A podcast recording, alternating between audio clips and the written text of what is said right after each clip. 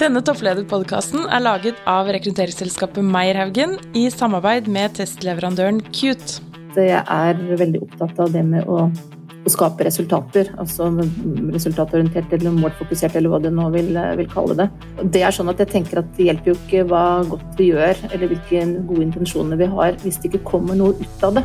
Eh, så jeg spør veldig ofte men eh, hvor skal det føre oss, eller eh, hva skal vi få ut av det, eller hva er leveransen, eller hva skal vi oppnå? Mm. De tingene er jeg veldig, veldig opptatt av.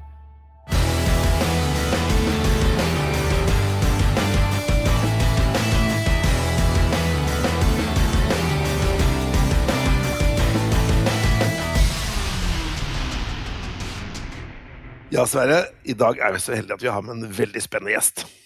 Ja, det har vi. Og det er eh, Mari Velsand. Velkommen til deg. Tusen takk skal du ha. Og Mari, kan ikke du fortelle våre lyttere uh, hvilken organisasjon er du leder for? Jeg er direktør i Medietilsynet, som er statens forvaltningsorgan på mediefeltet.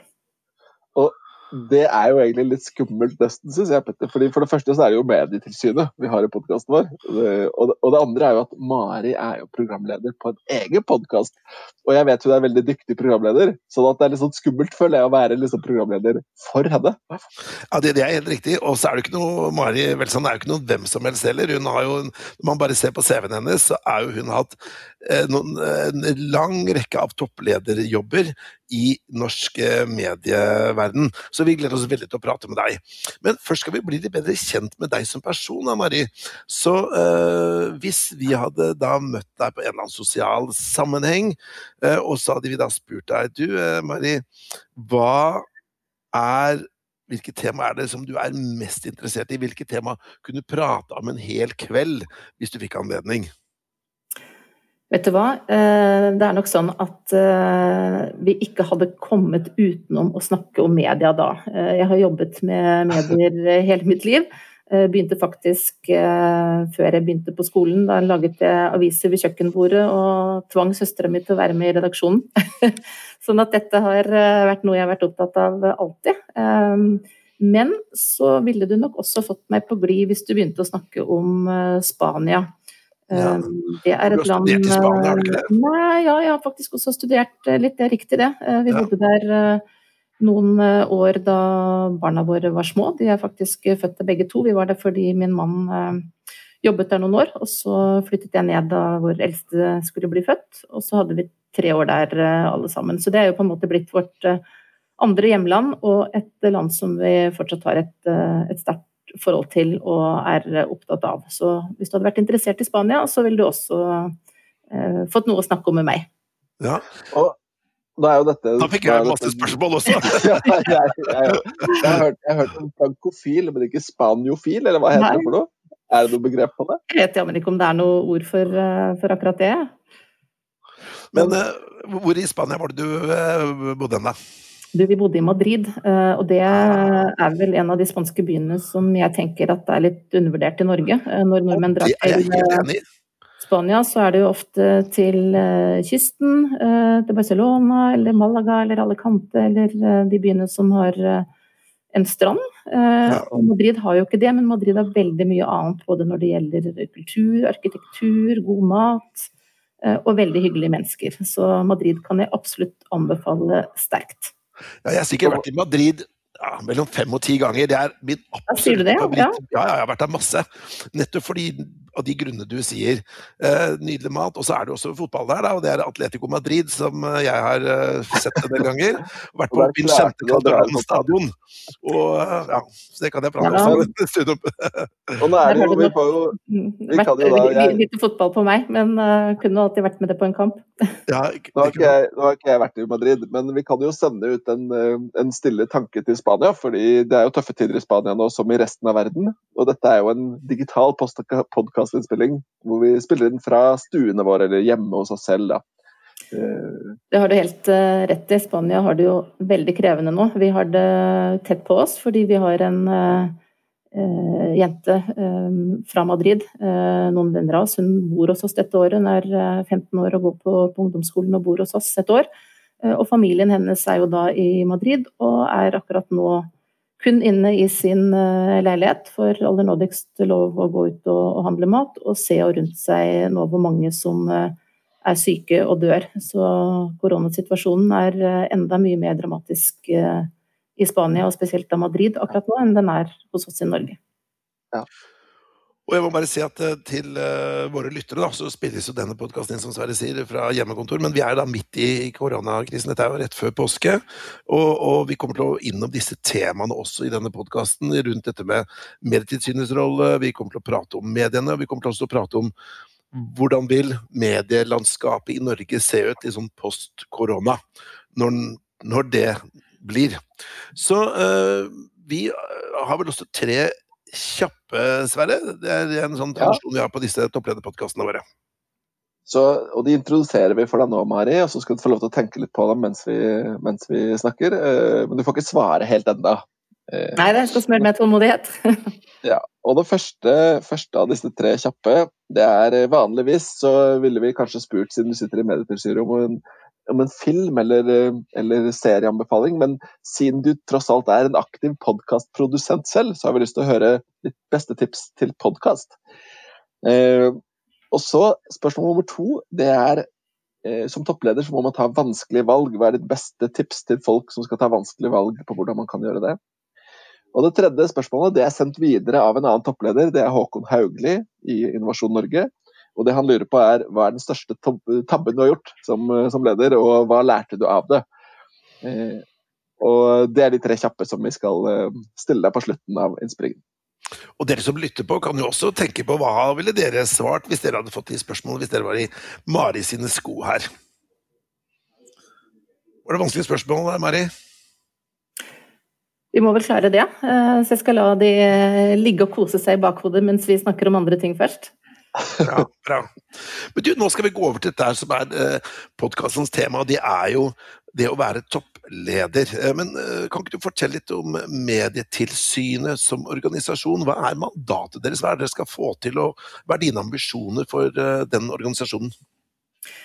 Vi er jo her for å bidra til å oppfylle statens mediepolitiske mål. Og det er jo noe så stort og viktig som ytringsfrihet og demokrati. Men for å dra det litt ned, da, så har vi eh, konkretisert to hovedområder som det er særlig viktig for oss i Medietilsynet å jobbe med. Det handler om å bidra til å fremme mediemangfold, og å bidra til at befolkningen i Norge har det vi kaller god kritisk medieforståelse. Altså kunnskap og ferdigheter til å kunne delta både aktivt og trygt i eh, medielandskapet.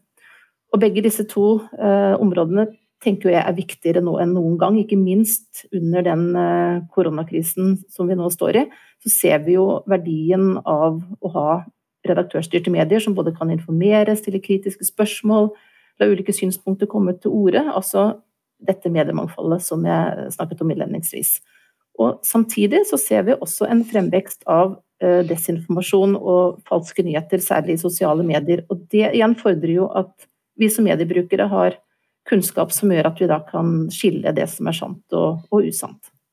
Men kan jeg stille et kjapt spørsmål der? Fordi du, det, dette med fake news, det er jo liksom, i hvert fall for meg, da, så har dette kommet fram som et begrep jeg har blitt kjent med egentlig etter at Trump eh, kom til makta.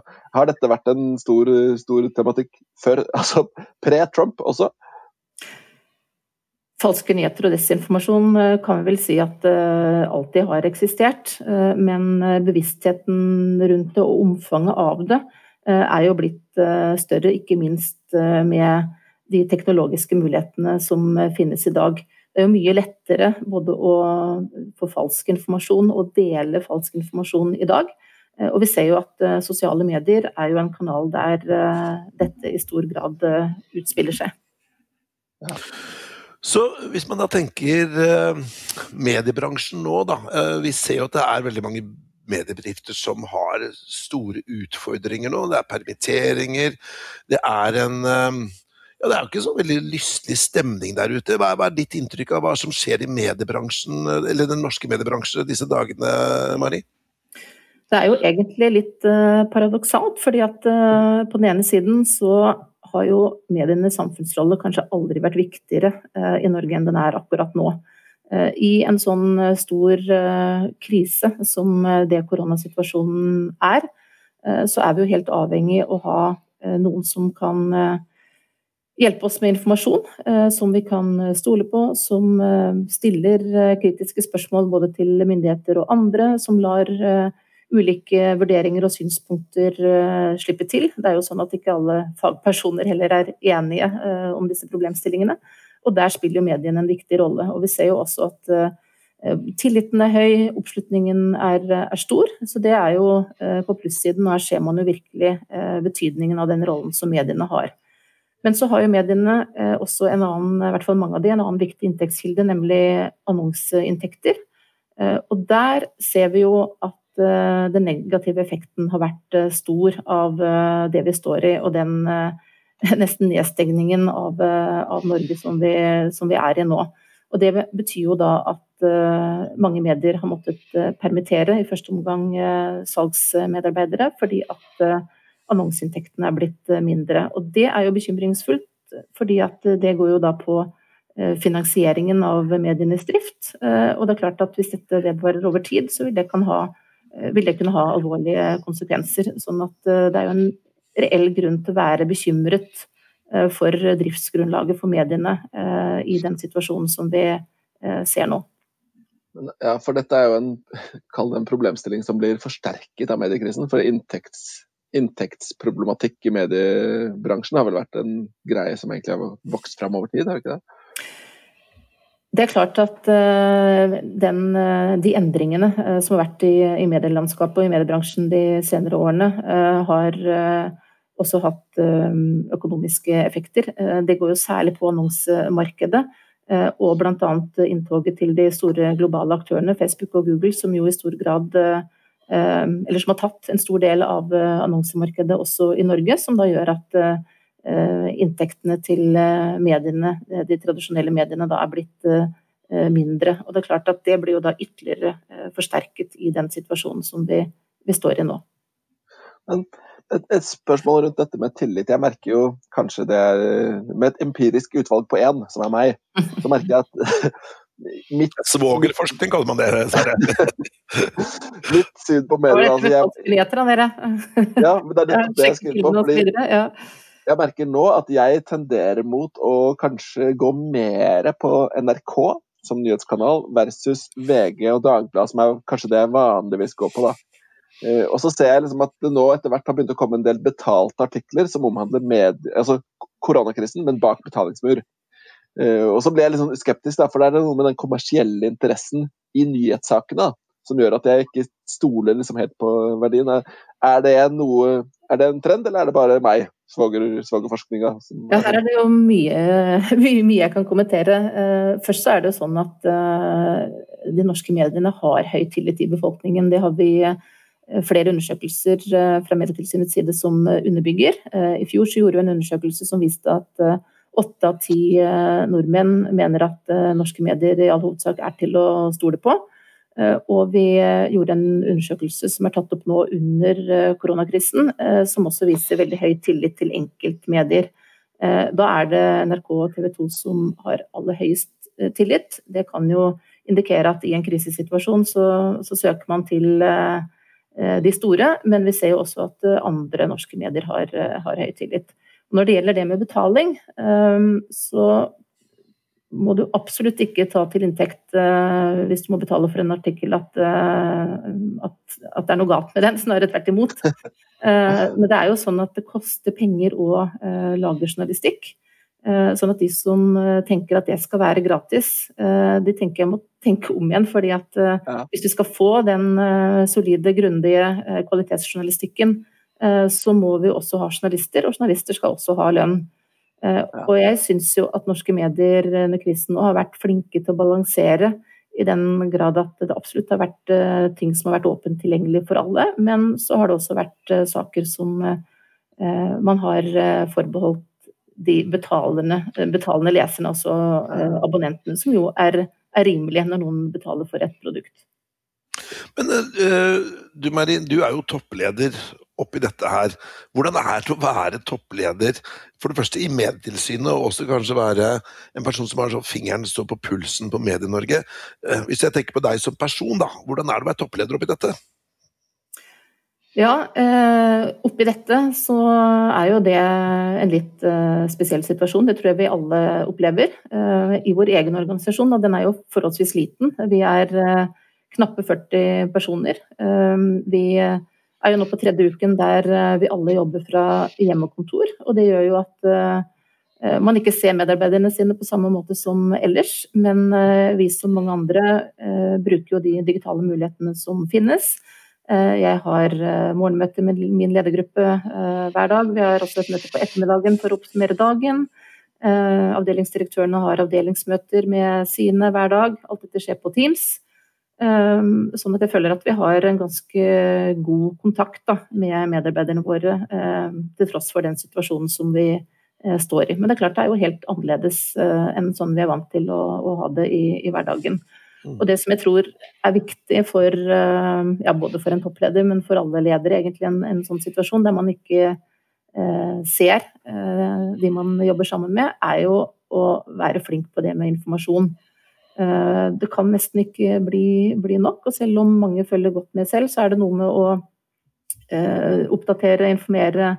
Hva skjer på arbeidsplassen? Ting som man vanligvis kanskje ville utvekslet i lunsjen eller eh, tatt et kjapt møte om på jobben. Når man ikke har de arenaene lenger, så må man kanskje gjøre ting på, på andre måter. Så vi har f.eks.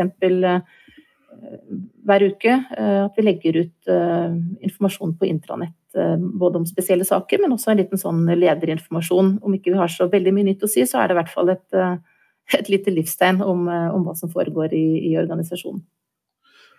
Bra. Jeg tror nok mange, både toppledere og medarbeidere, vil tenke på denne tiden som ja, man kommer til å fortelle barn og barnebarn om dette her når man blir gammel, og fortelle at våren 2020 var, litt, var ganske spesiell, da, både for alle personer. Men vi skal prate litt mer om dette her med toppledelse og dette med forskjellen mellom det å være toppleder og mellomleder. Hva vil du si er den store forskjellen på de som blir toppledere, og de som da ikke klarer å ta steget opp fra mellomlederskap? Har topplederen noe, noen kunnskaper eller personlige egenskaper som, som disse som blir stuck i mellomlederskap, uh, mangler? Her er det jo sikkert uh, mange individuelle forskjeller også, men uh, som toppleder så har du jo ansvaret, da. Uh, så jeg tenker jo at den som tar steget inn i en sånn rolle, både må være i stand til og ikke minst ha lyst til det å ha det øverste ansvaret. Det betyr jo at mange beslutninger på, havner på ditt bord. Ikke alle er enkle å ta, ikke alle er populære. Så også det faktisk å tørre å å orke å stå i ting eh, som eh, ikke alltid er like populært, eh, og ikke bøye unna for motstand. Det tror jeg er ganske viktig. Det betyr jo ikke at man ikke skal lytte til andre, eller at man ikke kan endre på noe dersom det, man får ny informasjon eller det viser seg at man har tatt feil. Det tenker jeg også er viktig. Men man må ikke snu på flisa bare fordi at noen er uenige, eller det blir litt ubehagelig å stå i det valget man har tatt. Hvordan opplever du det sånn personlig? da? Er det noen ganger du stiller deg selv spørsmålet åh, hvorfor gidder jeg det her? Det spørsmålet tror jeg kanskje de aller fleste ledere innimellom stiller seg. Um, men så er det jo da å finne meningen da, uh, i det man gjør. Og jeg tenker at uh, det er veldig mye mening i det å få lov til å være leder, enten du er toppleder eller leder på et uh, annet nivå. Eh, for meg så er veldig mye av motivasjonen det å få være med på å skape ting. Eh, få til noe. Eh, resultater, rett og slett, på den ene eller den andre måten. Og det å klare det sammen med andre. Så jeg tror det å finne motivasjonen i det man står i, og se litt lenger fram enn til akkurat det punktet der noe er litt ubehagelig. Uh, se at man skal et sted uh, i den andre enden. Og hvis man har det målet klart for seg, så er det også enklere å stå i det som ikke er like morsomt. Ja. Ja, jeg brenner til mange spørsmål når vi er så heldige at vi har en sånn toppleder blant oss. Men jeg tenker vi skal gå og se på det med når du skal rekruttere til, til både til din toppledergruppe, men også generelt til Medietilsynet. Uh, og du har jo vært toppleder i mange år og rekruttert både si, journalister og medievitere og, og, og økonomifolk og sånn. Er det noe spesielt du ser etter når du skal rekruttere? Er det en er det som en sånn, hva skal jeg si, er det en X-faktor du alltid har lyst til å se etter hos medarbeiderne dine? Da skal jeg fortelle en liten uh, historie, fordi jeg var på et uh, lederkurs i USA for mange år siden. Jeg tror det må være over 20 år siden.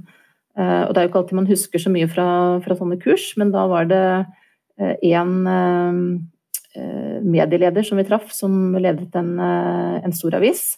og han sa følgende I hire for attitude and train for skills. Jeg vet ikke om det var hans egne ord, eller om han hadde det fra noen andre, men det har jeg i hvert fall hatt med meg siden, og det syns jeg var utrolig godt sagt. Og det betyr jo ikke at man ikke skal ha tilstrekkelige kunnskap og ferdigheter, for det er jo noe med at man må fylle de faktiske kravene, altså den kompetansen man trenger for å kunne gjøre en jobb. Men det med holdninger og hvordan man eh, går inn i ting, er utrolig viktig.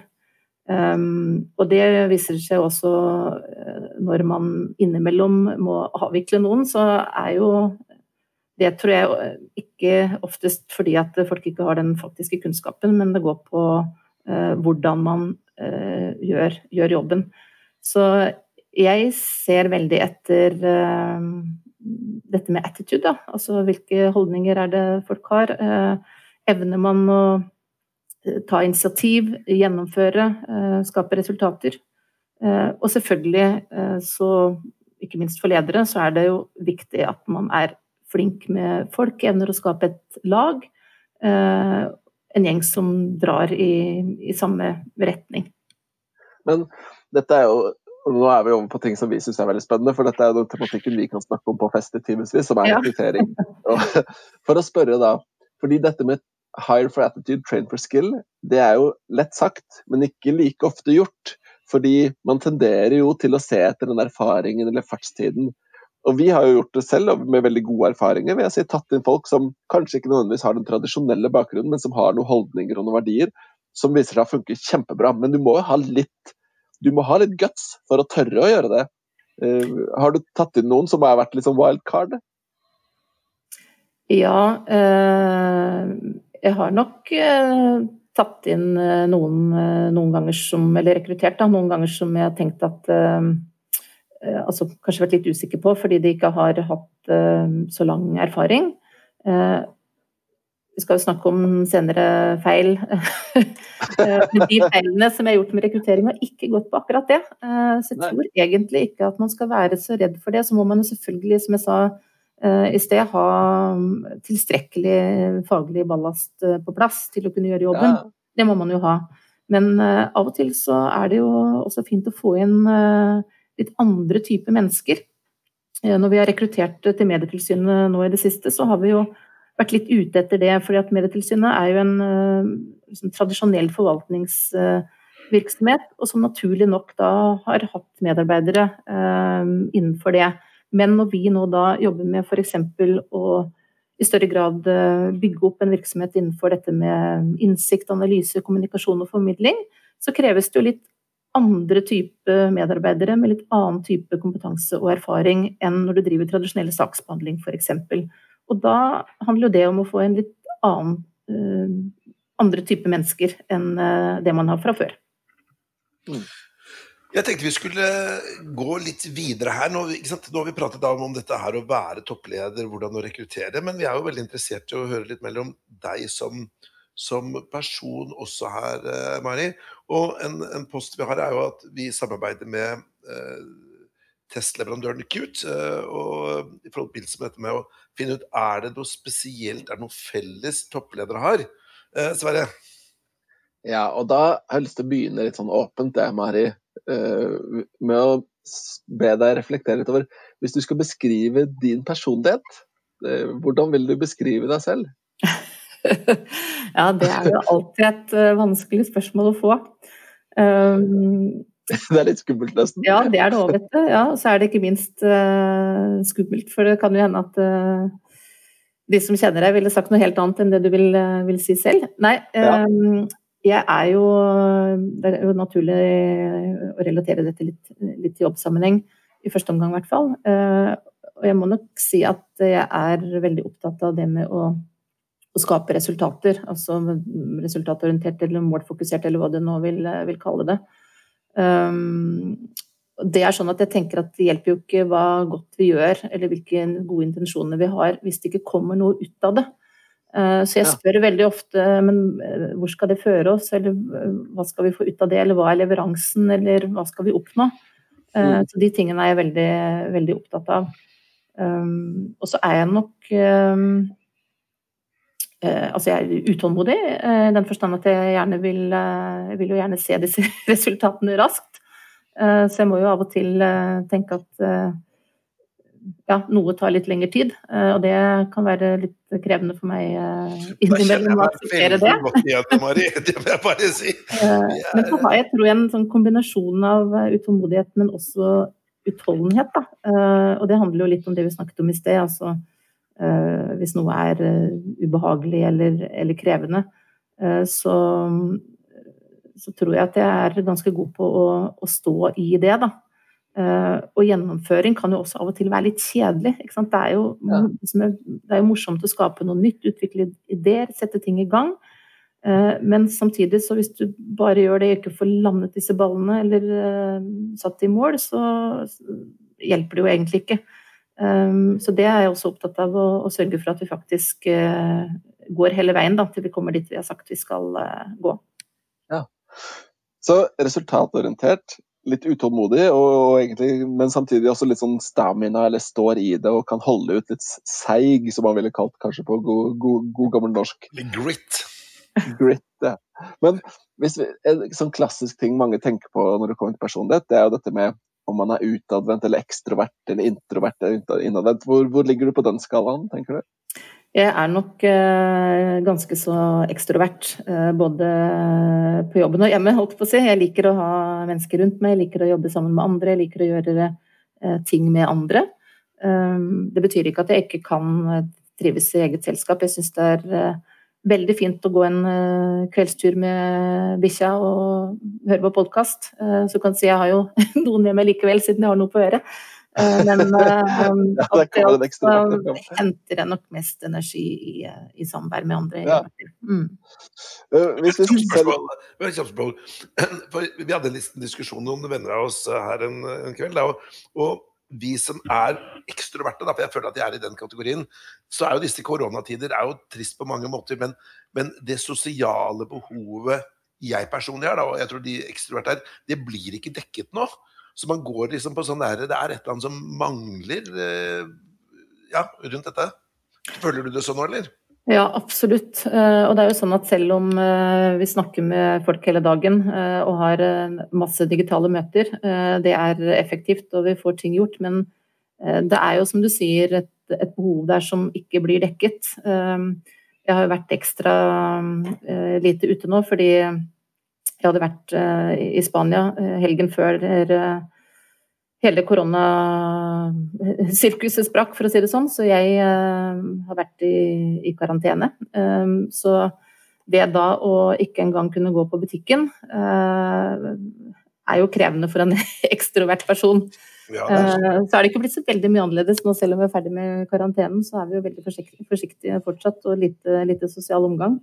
Eh, så jeg vet veldig godt hva som er på min agenda når uh, situasjonen eh, normaliserer seg litt, og det er å gjøre noe hyggelig utenfor husets fire vegger sammen med noen ja. andre. Mm. Ja. Men, må, men, dette er jo ja, kjempe, kjempeinteressant. Og jeg må spørre om en ting. Jeg kom på et interessant spørsmål her nå. For jobben vår her nå, eller min jobb, det er liksom å gjøre, prøve å forstå deg som person. Og så har jeg lyst til å spørre, når ble du sist sint?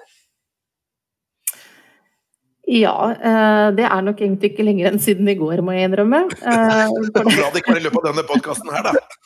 Det er klart at når eh, vi er nå fem, fem, personer i samme hus som skal jobbe og gå på skole og alle andre ting som man skal gjøre i hverdagen, og det betyr jo også at da blir det jo gjerne både rotete og støvete og alt mulig annet. Og jeg trives veldig dårlig når uh, omgivelsene mine er sånn, så i går så ble jeg ganske så irritert fordi at jeg endte opp med å måtte ta en liten oppshining i huset uten at det var så lett å få noen flere til å bidra. Ja. Så da var det en liten utblåsning fra mor i huset. Mm. Ja, men er det, er det, For dette er jo det er kanskje for mange lettere å ta de utblåsningene på hjemmebane. Hva blir på jobb, da? Blir du sint på jobb noen gang?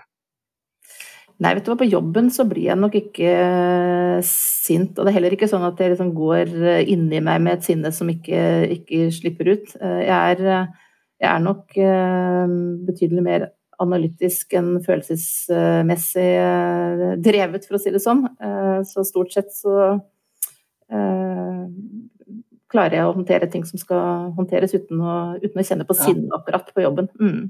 Ja, grunnen til at jeg spør er at En av disse aksene i Shapes modell er dette med å være behersket. Det, og det er jo den der som man kanskje noen ganger må, må agere på som toppleder og, og, være behersket i ulike situasjoner. Ja, jeg tror nok at det, enten man er slik eller sånn, så skal man bestrebe seg på å ikke være så veldig sint på jobben. Det tror jeg ikke fører noe godt med seg, enten man er eh, toppleder eller annen leder eller medarbeider, faktisk. Så er det nok lurt å prøve å løse utfordringene på en annen måte enn å bli sint. Ja, ja. Bra.